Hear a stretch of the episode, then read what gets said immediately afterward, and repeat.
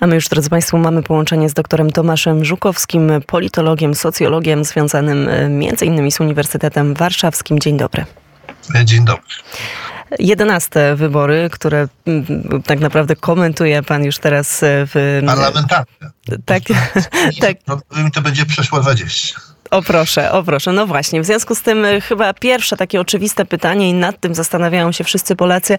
Jak pański, pańskim zdaniem, jaki jest najbardziej prawdopodobny scenariusz i jak będzie wyglądał przyszły rząd?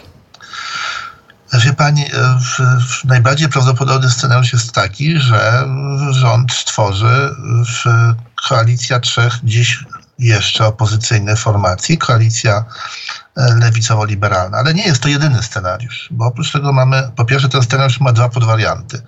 Pierwszy, że to będą trzy formacje, a drugi, że część lewicy albo cała lewica się w tym czy większość lewicy się w tym nie zmieści. E, rozumiem, że, że, że, że jeżeli dwie partie liberalne, czyli Koalicja Obywatelska, partia Obóz, czy formacja, bo to jest koalicja przecież, plus trzecia droga, to znaczy e, uznają, że, że, że lewic, z lewicem nie po drodze, bo w ten sposób uzyskają większą spójność programową, to wtedy to będą dwie czy dwie i pół. To jest scenariusz e, drugi i jeszcze mamy scenariusz, w którym koalicję buduje Prawo i Sprawiedliwość wspólnie z PSL-em i z Konfederacją. Taka koalicja przy wszystkich jakby różnicach kampanijnych ma dwa, e, myślę, że dość oczywiste albo chciałbym, żeby oczywiste elementy wspólne, to znaczy po pierwsze stanowisko wobec wsi, wobec rolnictwa, no to akurat z całą pewnością tak jest. A jeśli mówię, że chciałbym, to myślę oczywiście o stanowisku w sprawie pomysłów na centralizację E, Unii Europejskiej, które będą głosowane no, dokładnie za dwa dni w Parlamencie Europejskim. Tutaj mm, istnieje, można przypuszczać, że wszystkie te trzy formaty, czyli że również PSL, są po prostu przeciw. Panie doktorze, a dlaczego dzisiaj mówi się, że praktycznie stworzenie takiej koalicji PiS, PSL, właśnie ewentualnie Konfederacja jest niemożliwa? Chodzi mi mm, o taką strategię PiSu, gdzie tutaj zostały popełnione błędy, że e, faktycznie no, inne, te mniejsze opcje nie chcą albo boją się wchodzić w koalicję z PiSem. Wie pani, e, w jeśli chodzi o to, czy ona jest możliwa, znaczy matematycznie ona jest możliwa. Jeśli chodzi o te dwie kwestie programowe, znaczy pierwsza, czyli sprawa zachowania przez Polskę suwerenności, druga jest kwestia rolnictwa i wsi, no tutaj rozumiem, że jest więcej łączy niż dzieli. E, dlaczego, dlaczego jest to trudne? No, po pierwsze dlatego, że jeżeli partie, które mają podobne programy ze sobą wspólnie współpracują, to się boją, że ta mniejsza może być wchłonięta czy podporządkowana tej większej, ponieważ no, jeśli mamy, wtórzmy raz jeszcze podobne e, pod względami elektoratu, to w ten elektorat mniejszy jest gotów przyłączać o tego, kto większy. No, tutaj doskonałym przykładem naj, całkiem nieodległym jest, są losy partii pani Lubnauer i pana Petru, która już w tej chwili właściwie zupełnie rozpuściła się w ramach Platformy czy Koalicji Obywatelskiej, a do tego nawet stopnia, że pan Petru trafił do innej formacji, e, prawda, czyli do trzeciej drogi. E, natomiast myślę, że drugim czynnikiem, który temu sprzyja, może być to, że powiedziałbym tak, że też politycy, czy liderzy tych formacji niekoniecznie e, są gotowi realizować projekty wspólnie z, z, z, z w tym wypadku z Prawem Sprawiedliwością. No w wypadku PSL mamy taką historię, że PSL co prawda ma wiele podobieństw do, do, do, do, do, do prawicy, chociażby w tym, że ma podobny elektorat, jeśli chodzi o gdzieś chociażby, podobne interesy, a tak jak się składa, że z jednym wyjątkiem zawsze PSL wchodziło w koalicję, jak miało do wyboru, to raczej na lewo niż na prawo. No jedyny wyjątek to jest rok 89, to, to jeszcze nie PSL, tylko ZSL, ale wtedy rzeczywiście raz się zdarzyło, że że, że ta formacja zdecydowała się jednak na koalicję na prawo, co przyczyniło się w bardzo dużym stopniu do pogłębienia zmian politycznych i ustrojowych, które wtedy w Polsce e, następowały.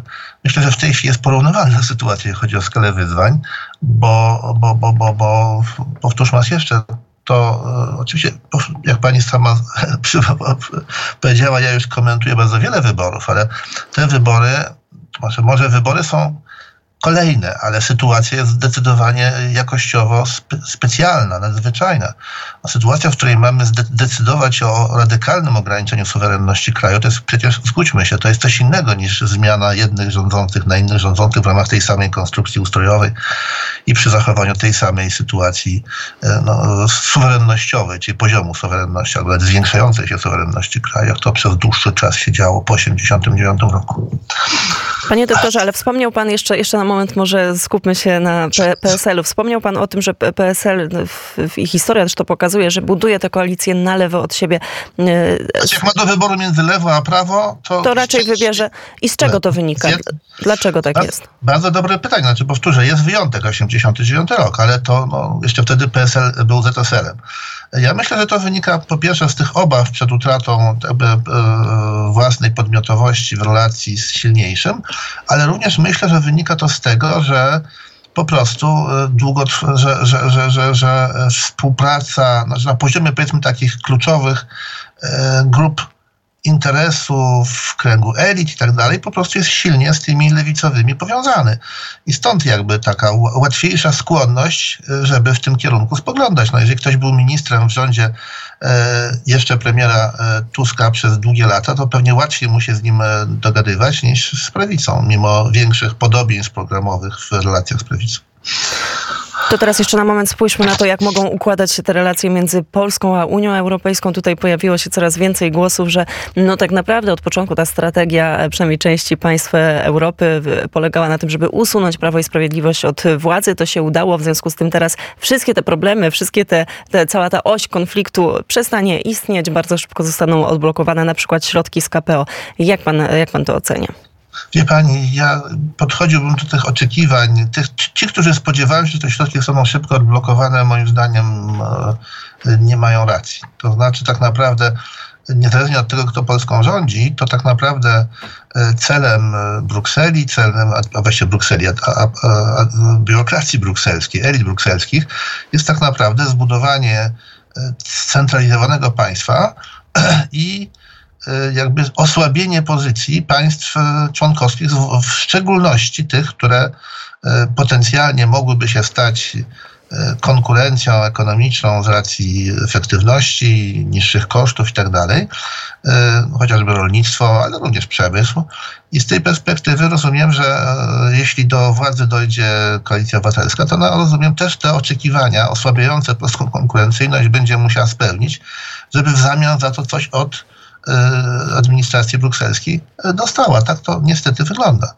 E, pamiętajmy jeszcze raz, Polska w tej chwili od dłuższego czasu i w ostatnich ośmiu latach, ale również w poprzednich latach, również można by w jakimś stopniu pokazać to w odniesieniu do rządów poprzedniej ekipy, ewidentnie umacniała swoją pozycję w Unii Europejskiej, stawała się coraz bardziej konkurencyjna i y, no, w oczywisty sposób można konkurować w takich poziomych relacjach rynkowych, ale jeśli to się nie udaje, to można konkurować poprzez centralizację, narzucanie niekorzystnych dla partnera reguł gry.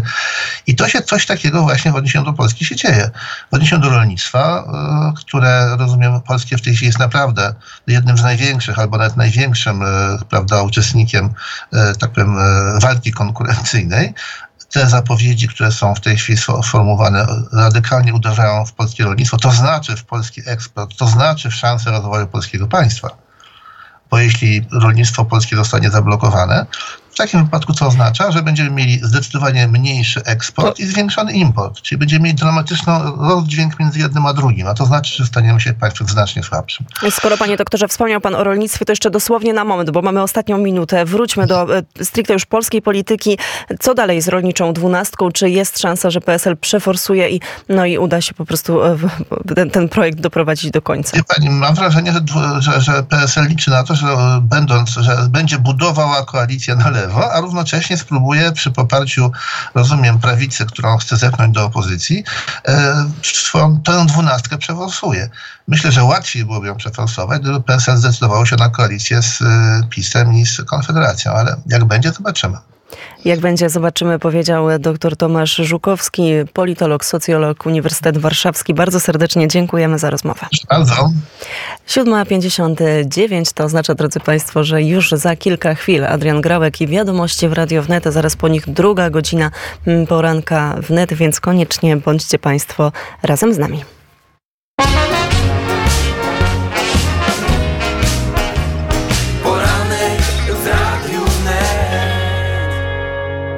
Reklama.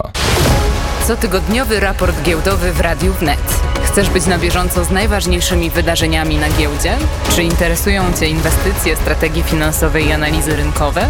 Słuchaj nas w każdy poniedziałek o 12.45. Partnerem audycji Cotygodniowy raport giełdowy jest Giełda Papierów Wartościowych w Warszawie. Po reklamie.